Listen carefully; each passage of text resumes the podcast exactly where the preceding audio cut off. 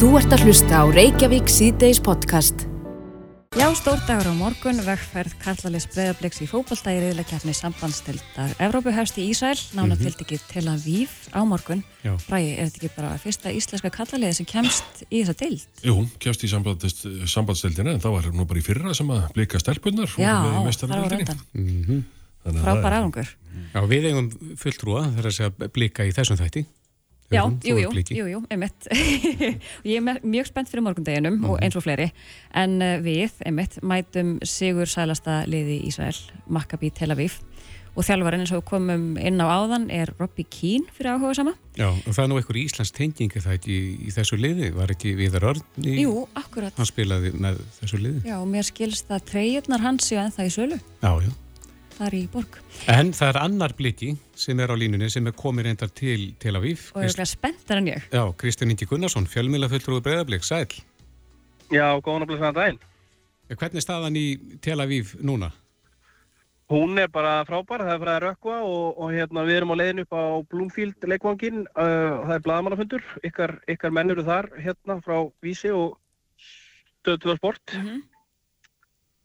Þannig að hérna bara mikil stemning og, og hérna náttúrulega bara, hvað maður að segja, ótrúlega, ótrúlega, hérna, ótrúlega spennandi, ótrúlega gaman að, að hérna, að vera komin hingað að, hérna, taka þátt í þessu risaverkefni. Er þetta ekki, einmitt, bara reysastórt batteri og þessi leikvangur, hann tekur öruglega aðeins fleiri enn okkar hérna á lögutarsvelli? Já, hann tekur 29.000 rúmlega við svo sem vorum bara að kalla eftir upplýsingum um miðasölu en höfum ekki fengið það nákvæmlega. En það gæti bara svo að þetta sé svona mest í fjöldi sem allavega blikar hafa spilað fyrir framann. Já.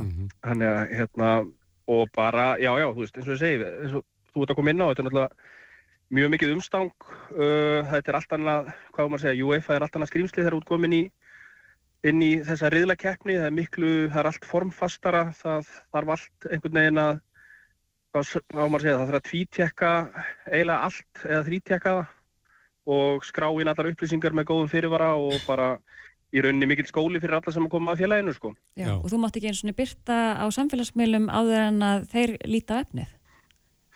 Um, já, það er svona, þú veist, það er svona, hvað ég að segja, já og nei. Það er hérna, það er svona ákveðna reglur varandi það hvernig við erum að setja efni frá okkur og erum að nota nafn, uh, sem sagt, UEFA Conference League og, og hérna, en á móti kemur að það eru gríðarlega tækifæri í því fyrir félagið því að það er, það eru samstarfs möguleikar í því fyrir okkur eða við erum að setja inn efni og þau vita af því og þá geta þau verið að koma því áframin á sínum samfélagsmiðlum sem eru risavaksnir sem gefur bara, hvað var að segja, svona út frá svona markaslegu sjónum við mjög mikil svona, svona tækifæri í vexti fyrir, fyrir okkar samfélagsmiðla og, og, hérna, og við fáum stanslausar, hvað var að segja, svona tilkynningar um það að hérna, það er alls konar fólk af frá öllum löndum sem er að fylgja blikunum, sem það á Instagram, Twitter eða Facebook. Mm hvernig var ferðalagi til Ísrael? Þetta eru vantalega aðeins meiri svona öryggiskröfur sem eru gerðar á þessu ferðalagi? Já, við flugum í gær frá Keflavík til London og vorum á Heathrow í smá tíma og flugum svo með British Airways í, í hérna í, í, hérna einhverja, hvað, fimm tíma svona tæplega og vorum að koma upp á hótel svona um 28 staðatíma hér Mm -hmm. en eins og ég held að Óskar hefur komið inn á einhverju viðtalinu þá erum við að vinna með íslenska tíman þannig að við erum bara að að halda, halda okkar planið þannig þannig að þó að, þó að klukkan sé, sé hérna orðið rúmlega sjö hér að þá, þá talar hópurinn alltaf um að klukkan sé bara fjögur en það er leikurinn annað kvöld klukkan tíu að staðatíma sem er sjö að íslensku tíma Mm -hmm. sem að henda ágætlega en, en hérna út frá því að það er frekar heitt hérna, mikill raki og loftið er svona hvað var að segja, svolítið þungt, þetta er svolítið svona svo lappin í svona gufubað sem er búið að vera opið í smá tíma. Þannig að hérna, þetta verður alveg svona, hvað var að segja, verkefni fyrir liðið á morgun að spila í þessum aðstæðum, þó að við séum að spila sent og, og ekki í sól. Mm -hmm. En hvernig, hvernig er anstæðingurinn? Hvernig metur hann?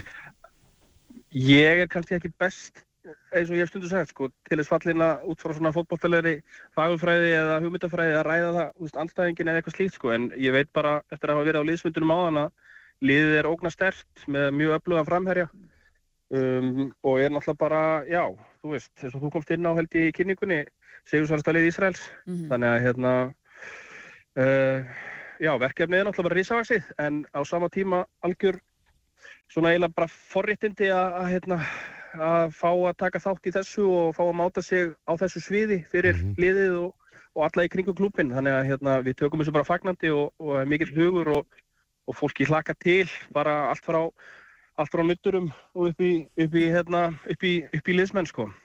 Hafið þið hringt í Viðar Örn og fengið innherja upplýsingar um, um liðið? Nei, við höfum, höfum reyndar ekki, ekki gert það sko. Uh, ég ætla að veit ekki til þess. Nei, Þannig að, gæti hérna- nú gefið ykkur einhverjar upplýsingar eflaust. Alveg, alveg pottið og ég veist ekki um það að, að þeir sem að vinna kannski helst í kringum aðferðafræði út frá, út frá leiknum sjálfum eru, eru búin að vinna alls konar grunnvinnu og eins og ég segi, ég var á liðsfundunum áðan og það, það er búið að held ég vinna eins mikið og hægt er í, í öllum sem, sem snýra að bara taktík og, og svona, já, hvaða leikmenn hendi verkefni og svo framvegð, sko. Mhm. Nú er ekkert svakalega langt síðan þið vissu að þið var að fara að taka þátt í reyðleikefninni. Uh, Nei, þannig að eru margir blíkar á staðnum? Um, það eru einhverju blikar á staðnum og það hefðu öruglega viljað vera fleiri blikar en þú segir, við komumst að þessu fyrsta september og á þeim tímapunkti var, að því að nú flýgur Æslandi er til til að við beint, að þá var flug, uh, skilsberg svona, orðið nokkuð hátt í verði. Mm -hmm. Um, fólk hefði getað eins og við vorum að gera, fljúa á, ég veit ekki, London eða, eða Frankfurt eða hvað svo sem er og svo áfram en, en svo eru líka held ég hótel ekkert sérstaklega ódýr hérna þannig að, þannig að það er svona já það er svona það er allavega ekki 400 mann sem svo voru á FCK leiknum þegar við spiliðum í undarkerninni en, en hérna en það verða einhverju blikar og, og svo eru náttúrulega það er hópferð í sölu, það er leikur á móti Gent eh, 27. oktober og það er hópferð í sölu á þann leik og það verður hópferð í sölu til Pólans þegar við spilum við liðið frá Úkrænu, Luhansk Soria Luhansk, þannig að, þannig að blikar hafa alveg tækifæri til þess að fylgja liðinu aftur á, á hérna, erlendri gund og Mhm. maður skora náttúrulega bara á alla að gera það því að þetta er algjörlega svona, maður að segja, einstakt. Já, er, eru hérna, eru miklu peningar í hófi í þessum leikjum sem farmyndan eru? Já, það má alveg segja það sko. Það eru hérna, það eru sem sagt 500.000 eurur minni mig, sagt með fyrirvara, en það eru 500.000 eurur fyrir sigur Í hverjum leik? og já, og það eru 180.000 eurur fyrir eitt stygg eða jafntefni. Mm -hmm. Þannig að hérna, já, já, það má alveg segja það, það séu stóri peningar í húfi, þetta eru sex leikir framöndan. Mér minnir að Shamrock Rovers sem að Breiðarbleik sló út uh, fyrir í sumar, þeir komist í riðlakeppnina í fyrra og þeir náðu held ég þeim jafntöflum. Já, ég er hérna búin að reikna Um. þetta. Þetta eru þá svona 73 miljónir Fyrir sigur. fyrir sigur. Já. Já, Engin pressa. engin pressa, en við erum komin, eða vorum að lenda hérna á, á Bloomfield leikvanginum, ég er að koma hérna með Óskar Hrafni og, og Höskuldi fyrirlega og, og maður fær alltaf smá svona kíkl þegar maður horfir á þessi risa mannvirki, sko, ég er bara, já, maður, maður er eiginlega bara svona, þá áttar maður sig alltaf smá, þannig að ég er að koma einn inn núna og ég er bara, ég er bara, já, ef þessi leikvangur er fullur á morguna, þá, þú veist, ég veit að leikmenn, já, ég veit að leikmenn náttúrulega, hvað, hvað maður að segja, lifa fyrir þetta, sko, þú veist, en, en þetta er alveg, þetta er risa, risa, risa vaksi batteri. Já. þannig að, hérna, þannig að við bara erum að njóta. Já, uh, við segjum bara aftur til hamingjum með árangurinn, við ætlum að sleppa þér og þannig að þú getur mætt tímalega á blagamannafundin. Og ég veist um það að flestir íslendingar segja áfram blíkar í þessari viðregningar. Og horfa, og er, er þetta ekki í bytni útsendingu á stötu sport í ofinn dagskrá? Jú, mér skilst það, þetta er sínt á, á hérna, Vodafone Sport, minni mig, í, í, hérna, inni, inni hjá ykkur og, og, hérna, og það er svolítið, eins og þú veist að koma inn á, við erum að fá svolítið þetta bara áfram íslensku fótbolti. Þú veist, vikingar stefnir í það að þeir verði á næsta ári í þessu og þurfu ekki að fara í þetta sem að hétt preliminary round sem að blikarnir fóru í í ár og, og vonandi verða KSI og fleiri í kringum íslenska fótbolta búin að skipulega geta þannig að, að, hérna, að þeim verði gert hvað var að segja, auðveldar um vík í einhverju tilfellum. Mm og, og, hérna, og við séum, getum miðla þessari reynslu sem kemur með þessu af því að, hérna, af því að við viljum bara íslenskum fótbolta vegni sem mest og best og að við séum líka með leikvangi, leikvanga eða leikvang heima sem að við getum ekki stolt á móti risavöksnum liðum, hvort sem að það er breyðarbleik, vikingur, stjarnan, FHK er hvaða, hvaða lið sem það er, að, hérna, að við séum á næstu árum í stakk búin til þess að, til þess að taka við þessu verkefni og gera það með sóma. Algjörlega, heyr, heyr. Uh, Kristján Ingi Guðnarsson, fjármjöla fulltrúi breyðarbleiks, takk fyrir spjallið og góð skemmtun. Takk kærlega. Þú ert að hlusta á Reykjavík C-Days podcast. Já, Reykjavík C-Days heldur áfram. Um, það er nú mikið rætt um það og maður finnur fyrir því sjálfur að það fyrir að vera erfiðar að vera til svona fjárhagslega Já, og finnur það á fólkinu kringum sig. einmitt. En uh, það segir hérna í fréttina vísi.is að greiðslupið í heimilana hefur þingst þrátt fyrir að áhrif vaksta hækkan að selabanka sé ekki enn komið fram af fullum þunga. Já, þetta hljóma nú gælt og vel. Nei, en það er náttúrulega stýttist í að það losni um uh, þessa föstu vexti og uh, þá má búast við því að einhver hólskefla, jafnvel, uh, hellist yfir umbásmannskuldar. Já, og hún er einmitt á línunni, Ásta Sigrún Helgadóttir, umbásmaður skuldara. Góðan blessaðan daginn. Góðan daginn. Eru þið farin að finna fyrir auknum þunga hjá ykkur? Er, er fólk verið að leita til ykkar í auknum mæli? Já, við nú erum fann að sjá aðeins svona aukningu og líka mikið um fyrirspurnir. Við erum með símarákjöf alla virka daga millir 9 og 3. Mm Þannig við erum alveg fann að, að finna fyrir að fólk er náttúrulega að fara á áhyggjur sem aðeinlegt er. Mm. En það sem er líka gerast, er, sem hefur náttúrulega líka verið fjölmjölum, er að það er ákveð flæði út í verðtrygginguna. Fólk er að breyta lánunum sínum í verðtryggilán og það er til að mæta eh, aukinni greiðslubyrði. -hmm. Þannig það er líka eitthvað sem að við erum auðvitað að sjá meira af. Já, en hvað er fólk að uh, spyrja ykkur og hafa áhyggjur af svona einna helst? Já, það er nú eiginlega alltaf milli heimis og jarðar og hérna þetta er margir sem að eru bara hrættir um sína framtíð og sumir eru lettir nú þegar í greiðslegaruleikum. Okkar hlutverk er að aðstofa fólki í greiðslegaruleikum og, og við erum alltaf með ákveðin tæki og tólti þess. Já, hvaða tæki eru það? Getur þú farið að sé við það með okkur? Já, við erum með lögbundi úrræði sem heitir greiðsluaðlögun og síðan erum við líka með fjárhagsaðstöð til greiðslu skiptakostnaðar og þetta er allt lögbundir úrræði sem eru sérstaklega greiðsluaðlögun. Við erum alltaf til að, að svona aðlaga greiðslu getu að greiðslu byrði og forða því að fólk fyrir að fara í gjaldtrótt en þetta er staðan stundu þannig að, að það er bara gjaldtrótt sem blasir við. Þannig E, virkið þið þá sem svona millistykki milli skuldanans og, og þá fjármálastofnunarinnar eða lánastofnunarinnar?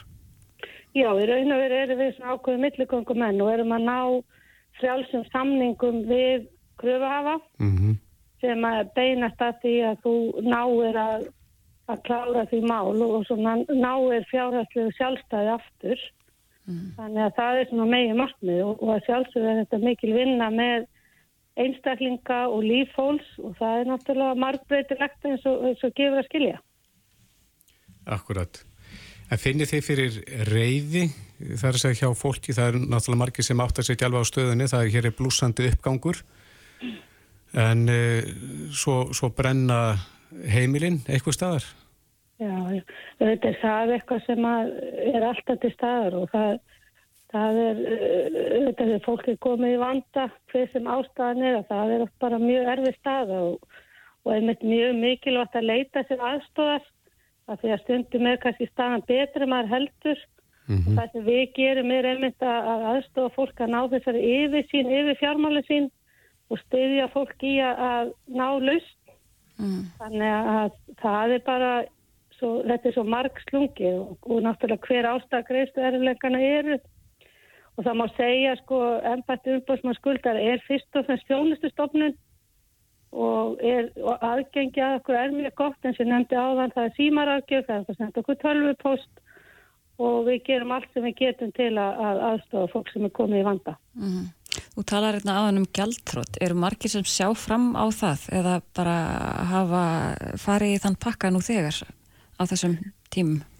Já, þetta eru ímsi stattir þannig að þeir eru bara, innan gæsalappa svona tæknilega gjaldróta, en þetta eru miklu hagsmunni í húfi, bæði fyrir einstaklingin og samfélagið að sem fæstir þurfa að fara í gjaldrót, En auðvitað er staðastundu þannig að það er í raun og verið það eina sem blasir við. Mm -hmm. Stundum er það ákveði laust og, og, og þessi löggefum fjárasett og til greiðslu skiptakostnaður er myndið hugsa til fyrir þá aðila sem eru það illa statir að það get ekki einu sinni reitt fram skiptatryggingu að því stundum er það ákveðinu svona ákveði laust að fara í gegnum gjaldröld. Mm -hmm. Sjáu þið munin á, á þeim hópum þar að þeir sem hafa farið fram úr sér í nýstlu og svo þeir sem er að býta úr nálinni með þessar miklu vaksta hækkanir og eru reyni fornalömp þess?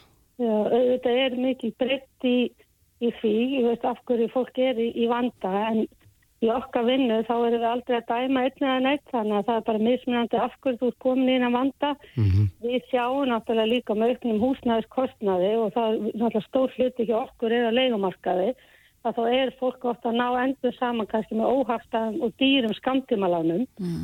Eins og snjóbolti, já, og bara alls konar lán sem eru bara mjög dýr og svo bara er þetta borga af þeim og þetta verður bara snjóbolti sem er svo erfitt að að stoppa. Ég... En þetta er líka kannski fólk sem reytir sér hurðar á sem auksl og, og hérna og lendir kannski svo í einhverju sem að það lakka tekið eða missi vinnu annað. Þannig eins og segir þegar þú ert að vinna með einstaklinga og fjölskyldu þá er þetta bara svo marg þætt og marg slungið. Akkurat. Eru smálánin, eru þau lögleg? Já, það má kannski segja að vissulegt þessu er lögleg, lögleg en síðlaus og það er náttúrulega því miður ennþá eftirspund eftir, eftir þessum rándýru lánum og, og því miður að þá eru við að sjá allt og mikið af einstaklingu sem er að taka þessi lán með bara mjög slæmum afleðingum þannig að við vildum helstu væri ekki til staðir í samfélaginu en, en þau eru til staðar og við þurfum bara líka auka, auka frjálmara læsi þannig að að fólk átti sig á hvað, hvaða þýðir að taka þessi lán. Mm -hmm. Og er fólk á öllum aldrei að taka þessi lán? Já, við náttúrulega á sínu tíma vöktum miklu aðtökli á sagt, ungu fólki sem var að taka þessi lán. Einmitt. Þannig að það er kannski hópu sem betur fyrir sem hefur minkað en auðvitað þetta er fólk á öllum aldrei og það auðvitað er þetta stundu sem er líka svo sorglegt að það er svolítið verið að beina þessi lán að kannski viðkomast á hóknum. Mm -hmm. Þannig að hérna, það er eiginlega svona smána blettur að mínu mati og þetta eru bara mjög dýr og, og lán sem að í raun og veru engin eftir að taka. Nei, akkurat. Hvernig gengur fyrir ykkur að eiga við þau fyrirtæki þegar það kemur að því að vera milligöngumenn? Já, það getur bara oft verið mjög erfitt og það er kannski sem að fólk þarf að hafa í huga þegar það er að taka lán að hvað tekur við að því þú tekur lán og þú getur alltaf lett í vanda og þá er kannski þar sem að þú gengur að lokum dyrum og það er engi vilji til að aðstofa þeir og það er náttúrulega bara mjög slæmt og, og það, ég vil bara segja að þeir eru erfið viðsefnendur. Já, svona meða við aðrar hérna, lánastofnanir. Já, já, það, það er blæsið við. Já. Þannig að ég, það... ég hvet engan til að taka þessi lán, þetta þau eru bara mjög, mjög randi lán og, og ég myndi helst væri ekki, ekki bara til staðar í Íslandi. Já, einmitt, já, þú hvetur ekki, hvetur fólk taka þau ekki, en Æ, þeir sem eru akkurat á þeim tímpunkti að vera mjög illa staðir, akkurat núna, mhm. hver, hver eru þín ráð? Já, það er náttúrulega svo mismunandi í hvað stöðu fólk er, en ég myndi náttúrulega í fyrstulega alltaf hvetja fólk til að leita sér aðstofa, hvort sem það er hjá sínum bara fjármálafyrirtæki eða þingi okkur og fá bara svona fyrstu hjálp. Mm. Og það er nummer 1, 2 og 3 og við gerum okkur fullakveðin fyrir því að þetta er oft ungskref. Það er oft bara mjög erfitt að leita sér aðstóra horfa eftir augum við vandan en því fyrst er betra. Mm -hmm. En þú sagðir áðan að fólk væri í auknumæli farið að snúa sér að verðtriðunlánum mm -hmm. sem að sögumir hafa vilja banna e, með lögum og útrýma úr íslensku samfélagi. Hva, hvað finnst þér um þá þróun? Já, það, það, það er náttúrulega bara þessi þróun að fólk er bara ekki ráða við greiðslubyrði af lánum sem hafa, vextir hafa hækka gífulega að það er raun og veru, maður sér eh, einstaklega sem er bara ákveðin léttir og það er að sjá þá fram á að það ráði við til þess að bara greiða á sínu heimili sem er náttúrulega mjög mikilvægt. En á sama tíma þá er náttúrulega þessar umræðar um veldringungu almennt er, þetta er náttúrulega í raun og veru áhættu fjárfesting og, og verður svona ákveðin eigna bruni en Þetta er bara umhverfið á Íslandi í dag, þannig að hérna, því miður Þannig að það er kannski það sem mann alltaf einstaklingar að horfa, horfast í augu við, að geta ráði við að greiða sínu heimili. Mm -hmm. Er þú sem umbásmaður skuldar að fara að búa þau undir eitthvað hólstjeflu svona þegar að þessi lán að opanu til losna? Já, maður vil nú alltaf vera bjart síðan en uh, ég myndi segja að það eru blikur á lofti en hvað þetta verður stór hópur eða hvað þetta verður mikið, það er svolítið erfitt að sjá en við verðum bara að taka, taka því sem höndum beru og vona það besta. En er það búið okkur undir það besta? Já, það er ekki oft gott að hérna, búa sig undir það besta því það er góða skagaman ekki, er það ekki, oft, er það ekki uh, svona góðu málsattur? Jú, og held að séu bara frábær loka orð. Ásta Sigrun Helga Dóttir, umbásmaður skuldar að takk hella fyrir spjallið. Já, takk sem er leiðis. Þetta er Reykjavík C-Days podcast. Í atvinnulífinu en á vísi.is er skemmtileg frein, eða, grein eða frétt það sem að segir í fyrir sögn að aðeins þremur af hverjum tíu stafsmönnum er, hefur rósað síðustu dag. Já, svolítið fáur. Það er sem er þetta svolítið látt hlutvall. Já, mætti að vera hæra. En ég þekki það að ég rósa oft fólki en bara í huganum.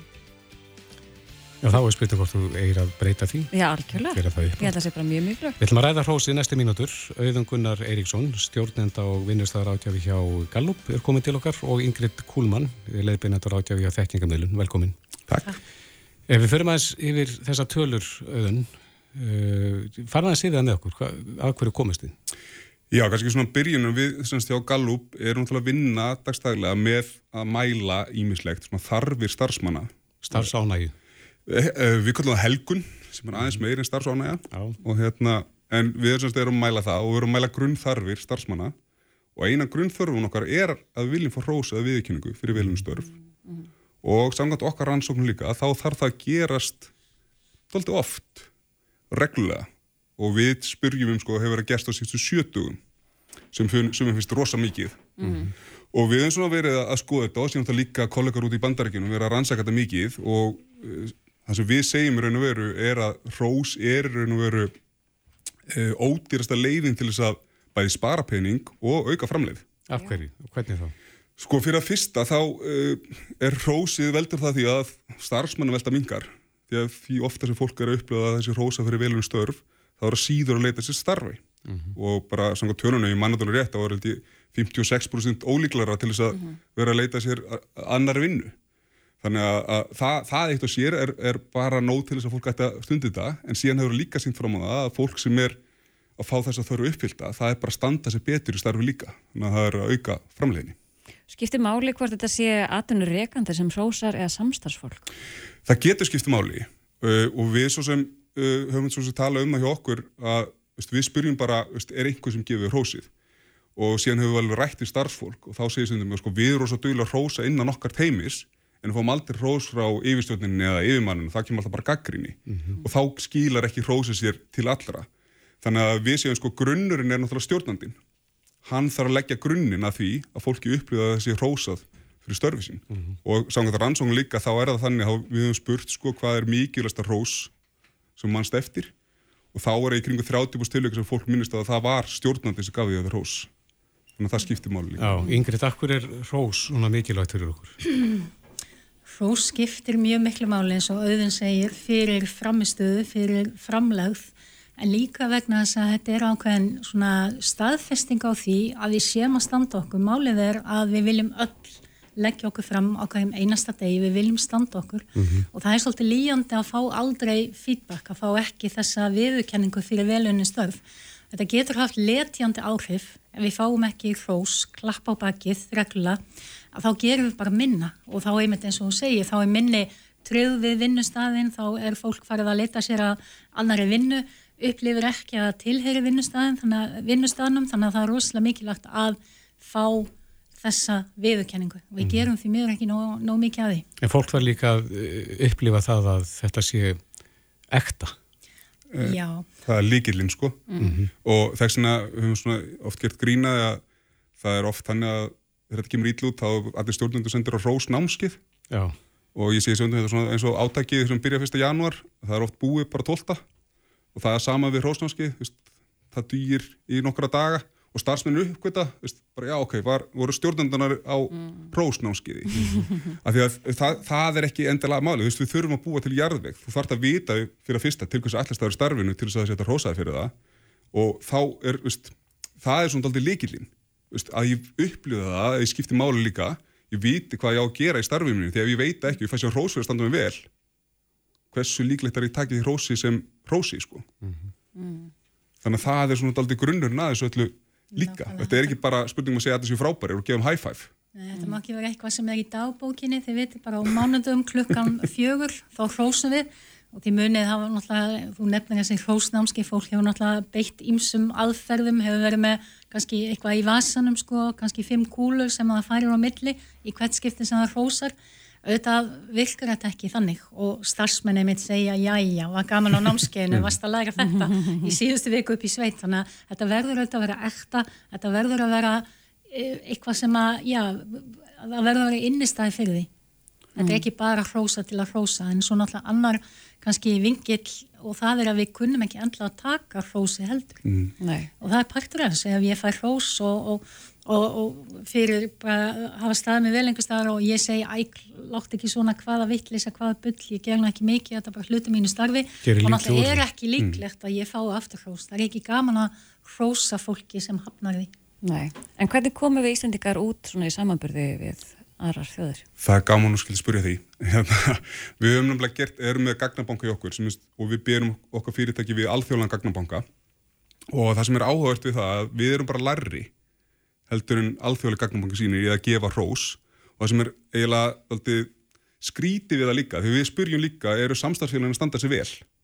Og þar eru harri heldur en gagnabankin þannig að það ástæðan fyrir að við erum ekki að gefa hrós er ekki að því að fólki sem við erum að vinna með sé að standa sig illa eða verð heldur það er einhver þarna, einhver, uh, einhver menning eða eitthvað sem er að stoppa okkur í því að, að- gefa hrósið. Hvað heldur að það sé yngriðt svona í, er, Já, í ég Íslandi? mér sko að að þetta sé bara ekki partur af þjóðarsálinni. Ég meina Gunnar á hlýð, hlýðarenda hrósað engum, við erum að sveta bæta okkur, en þa það er eitt sko, þetta er ekki partur af menningunni. Þið mun, munum kannski eftir því gamla dag að þá var sagt við foreldra ekki hrósa börnunum, þau verður bara montin, ekki vera því.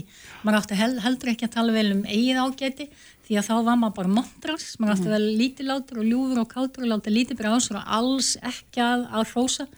Og þetta er kannski partur af- ég held að við þurfum að breyta þessu. Og við erum auðvitað að sjá breytingar bara til þess að við skoðum þess að mismundi kynnslóði sem Mm. að þú nefnir nú líka í, í viðtalinu Já, fær kannski yfir það, hvernig þetta snertir uh, hverja kynstof. Já, það er semst verið veri skoða líka hvort að það sé mismundi þörf á rósi eftir kynsluðum og það kemur fram þar líka að yngri kynsluðunar er, hafa ríkari þörf fyrir að láta rósa sér og það er bara alltaf mikill munur, sérstaklega við skoðum sko yngstu og elstu kynsluðuna, bara tölum við mikill munur þar, ég held að sé 80% niður í 40% ef ég mann þetta rétt og, hérna, og sem er það líka alltaf svona áskoruna því að stjórnendur eru flestir eh, af X-kynsluðinni sem kannski ekki eins, hefur ekki eins mikla þörf fyrir rósið og þá upplifa að þurfi heldur ekki að rósa eins mikið. Eh, En ég held að, að líka sko með tilkomum samfélagsmiðluna þá, þá er rósi orðið sko enn svona, uh, hvað segir, svona gegnsara, við erum fá stöðut gratification, bara setja inn, inn einhvern status og þú bara býður eftir lækonum Já, orðin háð því. og við erum pínu á því sko. svo fer maður í líkansrættina og þá fær maður líka kvartningu, bara Já. good job þegar maður sleipur á réttum hraða þannig að þetta er einhvern veginn Er þetta samskipta leysið þá milli kynsluðan? Er, er það hluti af... Nei, ég getur ekki fór að fullera það sko, af því að hérna, ég held í raun og veru við viljum, eða held, við viljum öll fá hrós eða einhverja við, einhvers konar viðkynningu þegar við stöndum okkur vel. Og í sumum, uh, sko, eins og sko, við skoðum bara íþróttir, þar er, þar er fólki hrósa í gríðverk, bara tökum bara fótbolta, markmaður ver, hann ásand bara að verja. Það er hans hlutverk, hann hóður svona klappa fyrir því eins og engin sem morgundagurinn eða þegar sóknarmanni skorar. Það finnst öllum það frábært, það er mjög auðvelt að hrósa þeim. Það er bara er í menningunni og það er líka menningunni hérna eins og annar staðar við hrósum því og, og líka við fyrir með leikus og klöppu fyrir leikurunum eða hljómlistfólkinu þegar sýningin búin, það var reyndar umræða hérna fyrir nokkrum árum síðan að þetta hætta að klappa í leikusi Já. fólki fannst það fáralegt sem betur fyrr en, hérna, en það er ekki þar um að vera að klappa fyrir öllum. Veist, það er heldur ekki endilega það sem við erum að segja sko. Ég held að það sé ekki samskipta leysi, ég held að kannski bara mismundi vendingar Mhm. og að geta ekki sett sig í, í, í þessi spór og svo er kannski annað í þessu líka að við þurfum líka að taka umræðum bara hvað hrós er, hvernig skilgælum við hrós, því að ég heyri stundum á vinnustöðum að fólk ruggla saman hrósi og þakklæti. Þegar ég segi við þið takk fyrir aðstofuna er það hrós? Sumi segi já, það er hrós, aðri segi nei, það er ekki hrós. En ef ég bæti við, það er svo gott að leita til þín þá er þetta hrós, þannig að hvað er hrós nákvæmlega? Og líka eins og þú nefnir í greininni, hvernig viljum við fá hrósið, mm. viljum við fá það í hópi? Mm -hmm. eða bara maður á manna í tölubústi eða þarfinnar eru ólíkar mm. Svona við sumerum þetta upp uh, hver eru ykkar skilabóð til stjórnenda í aðtunlífinu? Sko einföldu skilabóðin eru svo að, að til þess að geta gefið gott hrós þá þartu fyrst og fremst ega samtal við samstarfsfólkið þitt -hmm þú þarft einmitt eins og yngriðt kemur inn á og þú þarft að spurja hvernig viljum við láta hrós okkur og við þurfum líka að spurja inn á við hvernig vill ég láta hrósa mér og hvað er raun og veru hrós í mínum huga Já. og það þarf kannski það sem er að vera skýrt mm. áðurum fyrir maður hrósa Já, svo ef ég má bæta því við bara að hugsa þetta ekki bara, stundum er það þannig að við erum að hugsa um hrós og einhver stendur sem frábælaði en við látum kannski ekki viðkomandi vita eða við segjum öðrum frá því á kaffistofunni í stað þess að segja það við viðkomandi mm. beint, mm. þú í vel mm. þannig að það skiptir líka máli Upp með hrósið Upp með hrósið Já, Auðungunar Eriksson, eh, stjórnenda og vinnustæðarákjafi hjá Gallup og Ingrid Kúlmann, leiðbyrnandi og rákjafi hjá Þekkingamöðrun. Takk fyrir komuna og takk fyrir frábært spjall. Takk sem leiðis. Þetta er Reykjavík C-Days podcast. Það verður ekki farað frem með mörgum að það hefur verið mikil reyði þegar það kemur að leikskólamálum í borginni? Já, leikskólaplásin hefur nú verið talað um þetta í eða bara mörg ár Já, og um, ekki hefur staðan batnað mm -hmm. og eins og vorum að tala um um daginn þá um, hefur það fæst í vöxt að fólk verður auper bara til að brúa bílið. Já, við erum að heyra það í, svona í auknum mæli kringum okkur að fólk sé að leita þeirra leiða. Já. En e, þessi umræða var í borgastjórni í gær, það er að segja um leikskólamálin og skúli Helgason, borgarföldrúi samfélkingarinnar og formað stýri hóp sem leikskóla uppbyggingu skrifaði grein sem að byrtist inn á vísi.is í gær það sem að fjallar einmitt um þessi mál og það virðist heilmikið verið að gerjast í leikskólamálum í borginni eða hvað, sælskúli? Já, komið og sæl Já, þú... Já, það er alveg horrið það, það er nefnilega mjög mikið að gerast í, í uppbyggingunni mm. og alveg rétt sé sko að það hefur svona uh, menna að lendi ákveðnum erfileikum með að sko láta þessi, öll þessi nýju ploss sem hafa verið að koma inn að láta þau nýta sem skildi til þess að geta bóðið yngri börnum. Og ástæðan verið því er í raun og veru uh, einföld þar að segja. Það, það sem munar mestum við því er bara það að hafa helst yfir sko mjög mikið að viðhaldsframkvæmdum í þessum eldri leikskólum. Mm -hmm. sem að hefur, hefur gett það verkum að all mörg pláss alveg vel á fjórða hundra pláss hafa er og veru ekki, ekki verið nýtanleg út af framkvæmdum. En sér til en, sólar í þeim málum þá líka? Já, það sér nefnilega mjög, mjög til sólar í þeim málum. Sko, það er, og kannski ef við fer aðeins yfir stöðun í uppbyggingunni þá var metári fyrra, opnaðu 6 nýjir leikskólar á einu ári og yfir 600 nýplás sem ég skilsta sér nú eiginlega bara met, ég held að það sé ekki dæmi um svo mikla aukningu á einu ári síðan bara leikskólastarf hóst í borginni fyrir einhverjum 80-90 árum mm -hmm. og við erum síðan á þessu ári á fullu að undibúa skipulasmálinn, tryggingu lóðir, þannig að það sé þetta að halda áfram kröftur í uppbyggingu, gera samninga við uppbyggingar aðila því að það er líka spennandi sko að geta komið inn með leikskóla til dæmis inn í fjölbylishús í nýbyggingakverfum sem að er að rýsa víða um borgina. Leikskóli í fjölbílishúsinu sjálfu þá? Já, já, bara eins og nýjasta dæmið, eh, nýjasta leikskólinn sem er tilbúin er við Hallgerðagötuna hann í kirkju sand, sand í Luðadalskverfinu mm. og, og hann er, var bara endarlega tilbúin í síðustu viku og núna er bara leikskólastjórar og starfsfólk að koma sér fyrir og það er hægt að taka á móti börnum sem það bara núna upp úr mánaðamótum. Hvað hva eru mörg pláss þar? Það eru 60 pláss þar og, og síðan er, er hérna næsti leikskóli þar og eftir verður í miðborginni eða við, við vörðurskóla í Barónstíðin mm. eh, við líðum á Östubæðarskóla og þar sem sagt mögum við setja niður ævintiraborg fyrir 90 börn mentalið í svona tveimur áfengum mm -hmm. og síðan rekur þetta sér áfram það er, það er verið að hérna, samþykja skipulag í Fossvóinum þar sem að kemur 120 til 150 barnarleikskóli og síðan tveir svona sem eru hugsaði til þess að mæta uh, sko svona brítni þörf meðan að nærlíkjandi leikskólar er í framkvæmdum bæði mm.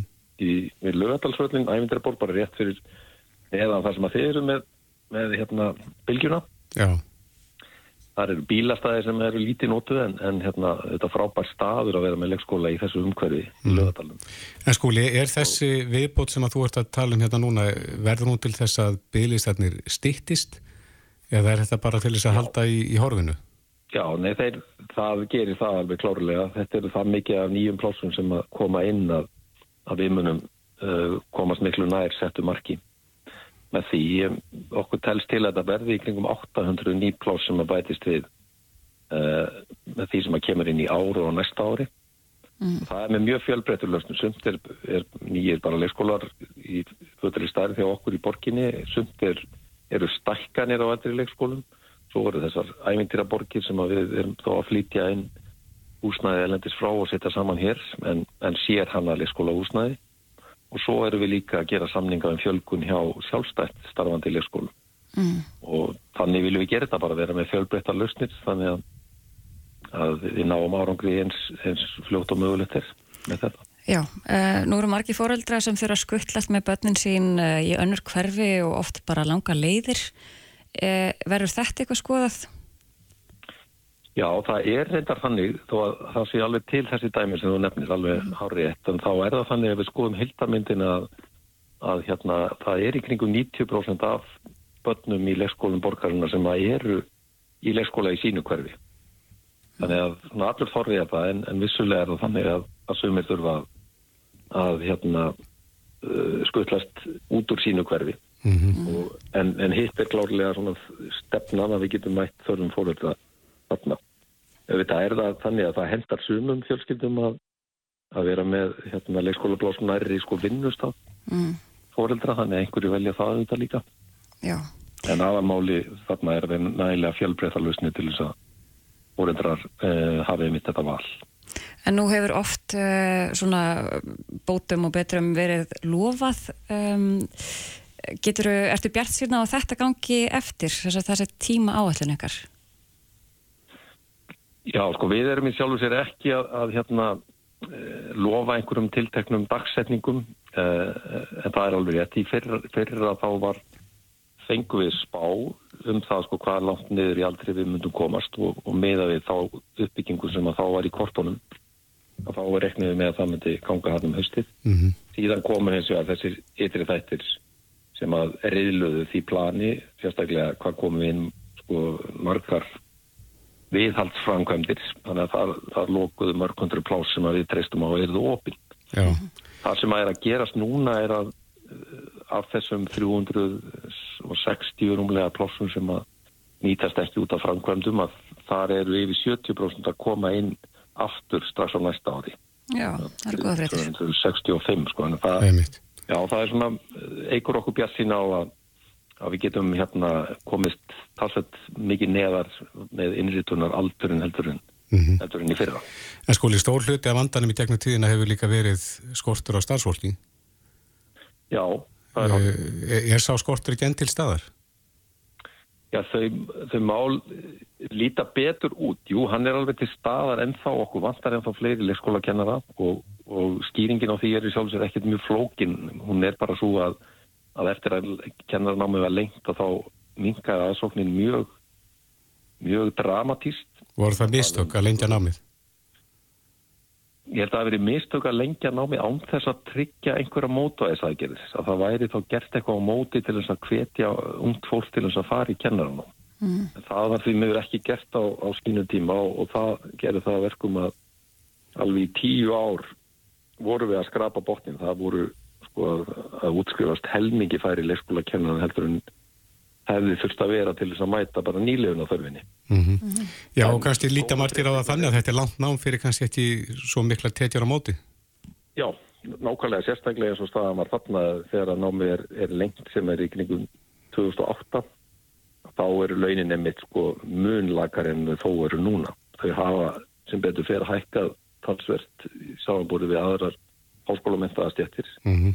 Þó að sannarlega megi en þá gera betur í þeim ennum þannig að já, þessi svona þetta samhengi sko, lág laun á þessum tíma og lenging náms það, það var í raun og veru alveg rótök fyrir þennan málaflokka og við erum búin að vera í tíu ári raun og vera að, að hérna, glíma við þennan vanda en, en sem sagt, það sem er ánægulegt er að þessi aðsvogn hefur hún hefur aukist mjög hratt í, í kennaranámið mm. allra síðust ári raun og veru frá 2018 og sérstaklega svona síðustu 2-3 árin Já það þetta mun hjálpa mikið upp á sækirnar. Aðeins að húsnaðinu að því að það var látið drappa svolítið niður og nú erum við að súpa segja það því mikla og annars líkt.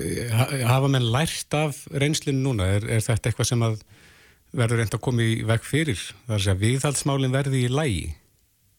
Já, sannlega. Það, og þetta er svolítið kannski svipaðin sem að lengingun á, á náminu að, að hérna, strax eftir hrun þá þá auðvitað sko, hrinja líka tekjustofnar sveitarfélagan og, og borgin eins og reynda ríkið og flest sveitarfélag þurfti að hérna, draga saman seglinn varðandi fjármagnin í viðhaldið.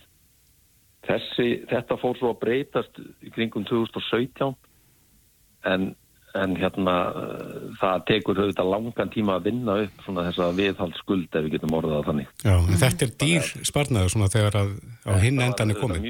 Já, þetta var mjög dýr sparnaður og en, en þú veist ég hérna, öfundar ekkit þá sem að voru við stjórnmjölun á þessum tíma að þurfa að taka uh, ákvarðina sem allir valkostir voru mjög slæmis. Áttir að segja upp fólki, áttir að skerða launin eða mm. áttir að spara í þáttum eins og viðhaldi. Og, og það var það sem var raunin. En reyndu að standa vörðum störfin og launin og, og þetta því miður e, var það að gefa eftir um tíma. Mm. en, en núna er, erum við að gefa mjög hraustlega í. Borgin er, er að vinna í plani um 25-30 miljardar á 57 árum. Þannig að það er mjög mikið fjármaksett í viðhaldsmálin núna og menn grýpa líka mjög fljókt inni um leið og kemur grunur um um einmitt miklu eða rakaskemdir mm. þá fer í gang mjög öflugur ferill með samstarfi fólks á ólíkum sviðum þannig að já, það er sannlega verið að læra af reynslunni með að við einmitt þessi fyrstu miklu mál sem að koma upp. Akkurat, en uh, við erum alveg að falla á tíma, svona rétt í lokin uh, dagurinn í gær þið rættu þetta í borgarstjórn hvernig, uh, hvernig hérna, tókum enn í þetta var samstæðið málið, leikskólamálinn? Mér fannst þetta að vera mjög góð umræða. Það eru þetta, menn alltaf að benda á, á hérna, mismunandi þætti í svona umræðu og, og minni hlutin eðlilega bendir á að, að hérna, hlutin eins og að var stemt á sínum tíma og það er bara alveg rétt. Og við að benda á að, að við erum í net uppbyggingu í hérna, leikskólamálunum í borginni og, og svona jákvæð tátt varðandi þessar hluti sem að hafa verið til vandraða eins og mörnumálinn og viðhalds framkvæmdinnar. Já en mér finnst vera fín svona almennur málefnalegu bragur og við erum til dæmis að vinna saman þetta flokka í þessum stýrihópi sem að leiðir uh, leikskóla uppbygginguna það Já. er fulltrú að bæði meira og minnur hutta og allir að leggja sér fram þannig að Einmitt. ég er bara mjög ánæg með það. Gott að heyra, Skúli Helgason, borgarfulltrúi samfélkingarinnar og formaði stýrihóps um leikskóla uppbyggingu Kæra þakki fyrir þetta og gangi ykkur vel. Takk fyrir það Bless, bless Umræðum blóðmerahald hefur verið uh, ábyrrandi og fyrirferða mikil núna í gegnum uh, misserinn. Já, það aldrei bara svona eins og kvalvið þannar. Eða mitt og það skapaðis mikil reyði eftir að dýravendar samtök í Sviss minni mig náðu á minnband uh, blóðtök úr blóðmerum mm. og þetta hefur rataðan á þingneðalanas en í fréttum núna nýverið var sagt að því að þann fyrsta november mun falla úr gildi reglugerð eh, um blóðmæra hald sem að gilt hefur undanfærið ár og reglugerð Európa-sambansins um vend dýra sem notuður í vísindarskynum um taka gildi um þessar stafsefni í staðin. Já, fyrsta nógum byrjaði ekki. Jú, mm -hmm. Sigurborg Daðadóttir, yfirdýralegnir er á línu, kom til sæl. Ákomið sæl. Já, nú velta margi fyrir sig, hvað, hvað þýðir þetta fyrir rissurna til dæmis sem að þeir vera að taka blóð úr? Hvað breytist? Ég get svo sem ekki alveg sagt að breytist en, en breytingin félur í sér að, að nóg gildir þessi reglugjörðum verðn dýra sem notir í vísindarskinni og það eru fyrsta lagi náttúrulega starfsleifi hver og einn sem heldur hrissur í þessum tilgangi. Mm -hmm. Það er starfsleifi frámátarstofnum til þess og síðan þarf líka sá sem að stendur fyrir blóttökunni, það er sér fyrirtæki ísteka, að sækja um leifi til þess að gera já, nota dýrin í þessum tilfangi sem við kvöldum í daglegu tali leifi til dýra tilhörna. Já, og þarf, um, hvað þarf til að uppfylla þau skilir þig að fá þessu leifi? Það kemur runni fram í reglugjörðinni í öðrum kalla, það er talið upp hvað þarf til en það er mjög ströng skilir þig. Getur nefnt okkur dæmi? Já, meðal annars það, að, það er alltaf spurt að því hvort að það er hægt að ná fram því sem ætlað er með viðkomandi tilraun með öðrum hætti en að nota lífandi dýr til þess. Já, hvað segir yfirtilagnir? Er það hægt? Ég get ekki svara því að núna þessar stundu, það verður skoða þegar einsók kemur. Mm -hmm. það, er, það er fyrsta leið að skoða er til liv, sambarlegt liv eh, sem að hægt er að nota í staðin fyrir lifi sem að nota þér, sem unnið er úr blóði risana. Mm. En ef við tölum um dýra velferðina, eru, eru strángari reglur eða meðferð á þessum hrissum sem að gildir ef þetta er í vísendastinni? Nei, ég veist að síðan ég hafði bara sveipa reglur varðand meðferðin á dýrunum. En það er það að, gera, að koma sér stunda þessa starfsemi. Það er miklu þrengri skilði þar. Mm. Meðalans er fyrsta spurningin þar sem ég nefndi á þann og síðan er öðru spurning hvað þarf mörg dýr til þess að hérna hægt sé að koma sér að framlega það sem er verið að segja um. Já. Og, og það, það er mjög stíft um að það er nota einst fátýr eins og mögulegt er í hver einstu tilrönn. Mm. Ég lesi hérna í frétta á MBL að það segir lögður áherslu á að gæta meðalhófs og hag aðlum sem gefið tækifæri til að aðlaga sig að nýri laga umgjörð. Þannig að þeir sem stunda þetta hafa tíma til að einhvern veginn að aðlaga sig. Já, þessar breytingar mun eiga sér stað 1. november mm. og þá er núverandi blóðtöku tíðanbæli lokið það fyrir íkun núna 5. oktober. Mm -hmm. Þannig að þetta gildir þá bara hér eftir eða eftir 1. november. Mm.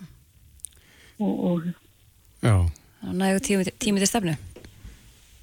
Já, já, og svo síðan náttúrulega það sem að líka er áriðandi, það er maturstofn sem gefur leiði til dýra tilrauna en að fengin umsögnum að fara sem vel fyrir dýra. Mm. Þannig þetta fer líka í umfjörðum þar. Já. Áttu vona því að e eða getur það gæst að blóðmera hald bara leggist af við þessa reglugjara breytingu? E, það kemur ekki óvart. Að stílinni séu það ströng að, að það sé ekki hægt að fallast á, á þau? Ég bara veit ekki, við nú þarf umsóknin fyrst að koma. Mm. Þannig að maður getur ekki tjáð sig fyrir en að umsókn líkur fyrir og út á hvað gengur hún. Næ, er blóttakur blóðmerum stunduð annar staðar innan ESB? Já, en ég get ekki fullist hvar og í hversu miklu magni. Næ, mm.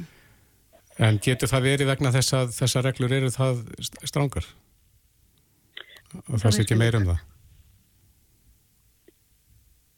Það finnst mér líklegt. Já. Já. Um, en ef aðlar uppfylla skilurinn og fá leifi, verður ykkur breyting á eftirliti? Nú get ég ekki tjáð með um það. Það fer allt eftir í hvernig umfangið er og hvað þið verður að gera. Já. En það verður allavega ekki minna. Nei. Hefur þú sem yfir dýralegnir eitthvað heist frá hagsmun aðalum varandi þessa breytingu? Nei. Nei. Akkurat, en þetta tekur gildi þessi nýja reglugjörð 1. november. Hvena byrjar hefst nýtt tímabil? Það er oftast í júli. Já. Já, hrissurnar, þeim er haldið á vori, mæ, júni.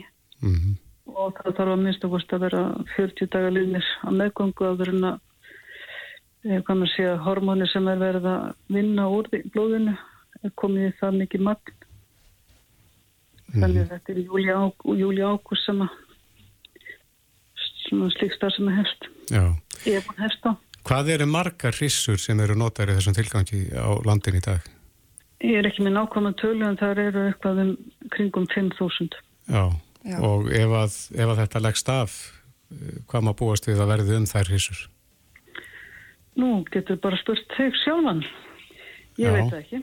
Hvað heldur það, eru, það eru bændur sem eiga þessar hissur og, og annarkvæmst eiga þessi bara áfram og, og halda áfram að nota fólutin sem bara í mátalaframislu Mm eða selja þar Já. til uh, annar og notkunnar. Ég bara get ekki staða. Er þetta, hérna, er þetta góð breyting að þínu mati? Sko hún er jákvæð að því leitu til að þá gild, það bara alveg þá ljós hvaða reglu gilda og þá vinnum við nákvæmlega eftir þeirri reglu gert. Þannig að það er verið meira utanum hald. Akkurat. Já, og eins og þú segir, tekur gildi 1. november. Já, Já. Sigurborg Daðadóttir yfir dýralæknir. Kæra þakki fyrir þetta. þakka ykkur. Bless, bless. Bless. Hlustaðu hvena sem er á Reykjavík C-Days podcast. Þetta er endur komulag Nælon. Já, ótrúlega falleg. Já, hugljúft. Ég bara vildi að ég væri með svona fallega rödd eins og Klara sem gæti sungið þetta. Já, við hefum ekki hirt þína rödd. Nei, nei, það- það er eitthvað að bíða eftir Hún því. gæti verið þarna. Gæti verið. En við ætlum aðeins að sjálf okkur í tæknihotnið uh, næstu mínútur því að við lásum frétt eða þú rakst á frétt frá Fraklandi um daginn. Já, einmitt, uh, frönsk stjórnvöld hafa felt iPhone 12 snjálfsíman Mhm. á sérstöku gislunarprófi, þykir iPhone 12 þá uh, senda frá sér og mikla geislun. Já, allavega samkvæmt frönskum yfirvöldum. Mhm. En nú spyrir maður sig hvernig á þetta þá við alla iPhone 12 síma eða bara í Fraklandi eða ég veit ekki. Okkar Og- maður, Óli Tölva, Ólafur Kristjánsson, fór í málið. Velkomin Óli. Já, komið sæl. Og hann mætti, þú mættir hingað í eh, hljóðverð með iPhone 12 eins Já, og já. ég og Bræi státum af. Eh, Er einhver hætta sem stafar af þessum tækjum? Uh, sko stuttasvarið er nei, það er engin hægt af þessu. Mm. Sko það er, það er gefið fram, það sem ég skoðaði þá er yfirlýsingu það að þetta er langt undir hættumörkum þessi svo kallar geislun og þetta er heldur ekki svona geislun eins og, eins og maður myndi halda þetta að vera svona geislavirt, eða geislavirkni í gangi. Þetta er bara einhver geislun sem er í gangi sem, að, sem að er samkvæmt einhverjum stöðlum uh, uh, semst, yfir mörkum. Það eiga að vera svo kallar, uh, þetta eru SAR-staðlar. Veit ekki alveg fyrir hvað það stendur. Þessi sarstalar, það eiga að vera fjórir en þeir funduð út í Fraklandi að það er 5,6 sem er langt, langt undir hættumörkum. En yfir... en þannig að þeir sjá það, ok, ef því þetta næri ekki þessum skrifuðu stöðlum þarna þá er náttúrulega komin hérna smá stimpla menning og, og, og, og þeir menn vilja bara banna þetta eða, eða allavega setja út á þetta Mhm. en Apple er búin að gefa út að þeir muni senda frökkum leiðréttingu þar að segja uppfæ, hérna, hugbúinar uppfæslu sem mun þá laga, stilla þetta eitthvað til En bara í franska síma? Já, af því að þeir telja náttúrulega sem svo að þetta er engin, þetta er undir hættumörkum, Mhm. langt undir hættumörkum. Þannig að ef að menn er að kalla eftir því þá er það bara í Fraklandi. Þetta er kannski bara til þess að róa þessar sögursagnir og kannski líka gæti verið einhver samsæriskenningi því að, að hrista svolítið upp í frökkum að fara að uppfara bara yfir í iPhone 15 Mm. úr 12. Já, ég sé hérna í frétta vísi að segja að yfirvöldi í Belgíu hyggjast gera sínar eigin prófanir og yfir, yfirvöldi í Þýskalandi hafa sagst hafa sett sér í sambandi frönsk stjórnvöldi í þess kyni að finna lausna málinu á vettvangi Evrópu sambandsins. Já, og eins með, ég sá það líka að Danir alltaf ekki að, að það var sneitt í þessu. Já, það ekki? Nei. Nei, þeir eru rólegir í tíðinni. Já, já. En þetta eru algengi símar. Við sjáum það hér bara inn í þessu hljóðveri núna. Þeir eru þrýr af fjórum iPhone 12. Já, já. Það verður sennilega verið sko, ég man ekki nákvæmlega hvernig kynningin á iPhone 12 var. Þetta var uh, þannig að myndavillin tók svolítið breytingum sem er reyndar að gera núna aftur. Að, að myndavillin er að taka breytingum, alltaf eru gæðin að verða meira og meiri og sérstaklega þegar kemur að næturstillingunni í, í ljósnæmni símans í, í svona næturstillingum að, að með iPhone 15 til þess að sem kemur núna held ég bara, er ekki sent í þessu mánuði að þá verður semst, norðurljósa myndin að vera ennþá skarpari. Já, en, en svo Samsung símar og þeir sem eh, Apple er að keppa við myndavelnar í þeim. þær eru alveg, að, úst, ég held að þessi þessi símar sem eru þessi nýjustu tæki eru alltaf á pari við hvern annan þannig að ég held að þeir sem að eru Samsung, í Samsung þeir eru ekki að neinar ágjör að þeirra uppfæsla verður líka alveg svakalega flott sko. En það var kynningundaginn, þessi árlega Apple kynning, kom eitthvað merkilegt fram á? Uh, ekki merkilegt, nei, en það var, uh, var mikið verið að tala um uppfæslu á sagt, uh, aflinu í símanum, svo kallar spekkar eða sagt, það sem er undir hútinu mm -hmm. og maður er svona hálfpartin dottaði svolítið yfir því en í, það sem mér finnst alltaf svona áhugaverðast að sjá í þessum tækjum það er hvort það sé eitthvað mjög nýtt í þessu sem það var reyndar með þetta Apple Vision, það er að segja síndafræðilega glerugun sem að koma í janúar að þá eru tvær myndavillar sem að verða sagt, eh, stiltar þannig að þú getur tekið þrývitarmyndir fyrir Apple Vision í 15, í iPhone 15 í símanu sjálfum, í símanu sjálfum ah, sem þú notar í Apple Vision mm -hmm. sem er nýtt. Og síðan eh, var kynning á Apple Watch eða úrinu og það eru að koma með þetta svo að eh, þeir kalla þetta double tap eða þess að þú tvísmellir vísifingri og þá átt að geta svara símánum, þú átt að geta sett á snús þegar, þegar hérna, símiðin er að vekja á mótan, þá getur þú smelt fingurinn og þá setur þú snús mm -hmm. og þú getur slögt á samtali þannig og, og ef þú stillir úrið á myndavillinni í símánum, þú vilt kannski fjárstýra símánum með myndavillinni á úrinu að þá getur þú tekið myndina með því að tvísmelta fingurinnum. Mm -hmm. Þannig að þú ert að nota taugabóðin hérna í júliðinum yfir á úriðið. Já. Þannig að það er, það er nýjung mm -hmm. í þessu, en það var ekkert meira, það var í sjálfsvegar ekkert mikið meira að vera að kynna frá Apple. Ég hefði viljað sjá eitthvað með Apple. Já, er þetta ekki svolítið að missa svona, eh, svona styrkin sinn frá því að hérna, aðal maðurinn var þarna inn, innan borðs? Jú, Stefán Kúk er náttúrulega svolítið að svona, hann er svolítið í sömu föttónum og, og hérna, fyrirreinarinn hans, að, að hérna, hann er svolítið að, að, að herra með eftir mm. og, og gera það bara bísna vel. Þetta eru flotta kynningar hjá Apple. Mm -hmm. Rosalega uh, mikill undirbúningur og, og það er mikið, þetta er mikið sjó. Já. En stæstu tíðin finnst mér þarna sko, ný hlæðsla fyrir síman, USB-C.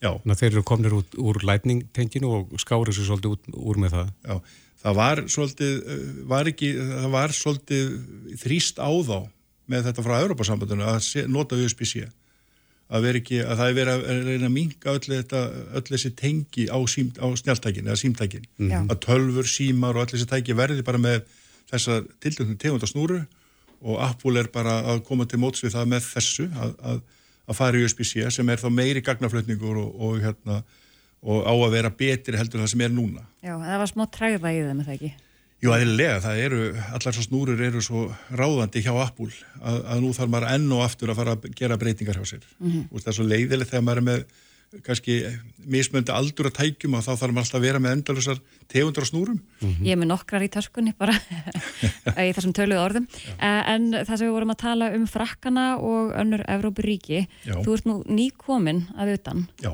og ert með frettir svona af því hvernig þetta er aðeins öðruvísi hátta með símana í Európu sambandslöndum Já, já, hérna vorum að tala um það bara hérna áðan fyrir útsendingu að ég hafði upplifað það e, í, í hérna Þískalandi að þá bara hérna var ég nýlendur þegar að það kemur svona svona, sagt, e, svona tilrun, eða ekki fyrir ekki tilrun þetta er svona pröfa eða, eða test á því að þá yfirtekur, hvað var að segja, Evropasambandi að, að yfirtekur símaðin og er með svona alarmsystem, svona neyðarflöyt í símanum. Já, svona mjög svona aggressíft og þetta er mjög svona hátt stilt og það yfirtekur símanum, jafnir þó að sé nánast slögt á hannum, það var samt að vita að það er eitthvað í húfi. Mm. Þannig að það, þetta er hérna svolítið sérstaklega að upplifa þetta. Fór það að staði öllum símanum hjá fólkinu flugulinu? Já, ég var, það voru nýlendi í flugulinu og fólk var að tengja síman sem þá fór all, alveg almeinlega hvað þetta var, sérstaklega Íslendingarnir sem voru í vilina, þetta mm -hmm. var svolítið svona, veist, hvað er nú, hvað er að gerast Og hvað stóð í stílabóðun? Það var bara að vera að segja frá því að þetta væri tilrönni eða, eða bara sagt, uh, já, svona láta bara vita hvort þetta virka ekki hjá okkur og allt það Já, er þetta eitthvað sem væri þetta verður sérlega notað ef það verður einhverja hamfarir eða, eða hvort það sé lofsteinn að koma eða, eða, eða stríð eða eitthvað skiljið þetta mm -hmm. er bara svona Þetta er það sem að, bara almannavarnar kerfið hjá þeim. Já, svona eins og kerfið sem við vorum með hérna á árumadur þegar viðurna flauturnar fór í gangi. Já, og líka, það voru líka flautur í að taka þetta allt niður. Já, en þetta er ekki á Íslandi? Nei, ekki, ég hef ekki séð þetta hér. Hérna erum við með SMS-kerfið. Mér finnst þetta kerfi markvallt af blöðra. Mm. Að, að hérna, ef það kemur upp einhver, ef það er jarðskjált eða elgós að koma, þá væri þetta mjög sniðut. Já, og talar eitthvað við fólki úti hvort það þekkti þetta vel? Nei, nei, þetta var bara það sem að með, með, með, ég upplifi bara fólki eitt stort spurningamerki hvað var í gangi Já, vantarlega mikið léttar þegar þú last skilabóðu svo Já, já, þetta var bara þetta var bara pröfa á almanna varnakerfunu mm -hmm. Annars sem við rættum hérna aðeins áðan, áður við fórum í loftið, uh, þú varst að fjargverast yfir upplýsing og óreið. Já. Segð okkur aðeins frá því. Uh, það er náttúrulega fólk sem er að nota snjáltæk í dag, mm. interneti, tölfur og hvaðina. Fullt af upplýsingum. Af upplýsingum og, og það er svo ofbúslega aðgengilegt að reyna að fá upplýsingar um nánast hvað sem er og þetta er bara, og, og við vitum hvernig algoritmi virkar í öllum sem tækjum að, að við, ef við erum að skoða eitthvað og við gefum okkur tími í það mm -hmm. og þá fyrir að laða að okkur miklu sambarilegt efni og ef ég laða að mér, tek bara dæmi, ég laða að mér og ég sá það mér bara einn raun að það, þegar að jarðskjaldinu voru í hérna Marako mm -hmm. Uh, í Marrakes að þá kemur strax einhvert vídeo um það að það eru sagt, uh, einhvers konar fljúmandi förðurhlutir sem hefur verið fyrir ofan borgina nokkur mínútum eða klukkutíma áður en skjáltir þessi stað og, og, og sendi einhvern geysla á nýjörðina. Þetta var rosalega flott mm -hmm. myndband og einmitt ég stoppaði þetta með fast þetta var svolítið einmitt flott gert. Ég vissi strax að þetta var náttúrulega ekki rétt mm. en eh, síðan þegar ég er búin að vera að nota samfélagsmiðli TikTok ekki eitthvað smá tíma þá heldur áfram að koma sambræli vídeo frá öðru sjónarhóttnum Þannig að það er dælt inn í þetta kerfi alveg óheirilega mikið af svona upplýsingum mm -hmm. sem að fær maður svona til að hugsa sko betur getur raunverulega verið að þetta vátt sér stað. Og líka ef þú horfir á eitt vídeo af þessu þá er náttúrulega færið fleiri. Já, maður laðar að sér miklu meira af sambarilega efni sko. Mm -hmm. og, og þetta er bara að gerast hjá mörgum að þú ert að fá upplýsingar um eitthvað og síðan eh, í rauninni hérna, getur maður alltaf inn að fara að halda það að þetta sé bara raunverulega rétt og þetta getur verið á mjög víðum grundvelli með og þetta var áberandi í COVID-inu á, á sín tíma að fólk fóru að trúa því að ja, voru með skoðanir og alls konar kenningar á loftu um að þetta væri hættulegt og allt það. Mm -hmm. það eru líka kenningar um það að þetta fólk sem var á mótus allan tíman að var að fá, fá kannski ekki rétt upplýsingarnar mm -hmm. eða laða að sér rángar upplýsingar. Þetta er volið viðkvæmt uh, umræðinni mm að tala um að því að fólk er náttúrulega hart á sínu skoðunum og má, á, má hafa sína skoðanir en svo er svolítið munur á því þegar þú ert farin að alhafa þína skoðanir, eða sérst, mm. þú, þú ert komin í alhafingu á einhverju sem er búin að vera að lesa en er kannski mögulega ramt. Mm. En hvernig getur maður bara uh, fengið að vita hvort að upplýsvíkuna séu réttar eins og bara þetta með gemverurnar fyrir járskjaldana? Uh, það er hægt að fara á, á, á vefin og, og skoða vefin og uh, ég hef nú talað um þetta áður, það er skamatvæsir sem hægt er að fá einhverja nýðustur um það hvort að vefinu sé réttur og svo er Google líka með eh, vef sem að getur sannreint hvort að sögursakna séu réttar eða rángar. Skamadvæsi.com er yfirleitt nótuð ef að fólk vil aðtók hvort að seljandi á netinu sé góður eða slemur. Já, e og eða, eða slóðin á síðuna sem þú ert að lesa sé í rauninni, hún far engun líka. Þess að þú ert að lesa einhverja frettasíðu sem er kannski með einhvern nýjan slóða sem við hefur aldrei séð áður að það er samt einhver frettasíða, tilkynninga við verið að blogg, mm -hmm. þá getur séð á skamatvæsur hvort að við, viðkomandi vefur séur umverulega hvað við segja, góður eða ekki góður og það er, þessi vefur er búin að vera alltaf lengi í loftinu og þannig er alltaf verða betur og betur og starri, þannig að fólk getur líka verið að skrifa inn og alls konar tilkynningar ef þetta er eitthvað loðið. Já, en Google, hvernig nota maður Google? Kristófer, uh, þú varst komið með mjög ítalegar upplýsingar um hennan vef. Já, sko, ég sló inn bara inn á Google, fact, fact check. Fact check, já. Þá, þá er, er Google komið með eitthvað svona fact check explorer. Það sem hægt er að slá inn svona likilorðin, eins og til dæmis bara Bill Gates og þá týnur hún til þær sögur sem hafa farið á kreik og gefur sér engun hvort að súsaga sér sönn eða ekki. Þannig að það er þetta að skoða það. Já. Mm þetta væri bara mjög gott fyrir suma sem að eru mikið að afla sér upplýsingum að emitt að kynna sér emitt þessa vefi Já, skoða málinn frá, einmitt, skoða málinn frá fleiri hliðum mm -hmm. það, er, það er rétt Ólafur Kristjánsson, Óli Tölva kæra þætti fyrir komuna Takk fyrir mig Vertu með í umræðinni Reykjavík síðdeis á bylginni Vinnur þú áskort á leiki? Reykjavík síðdeis á bylginni podcast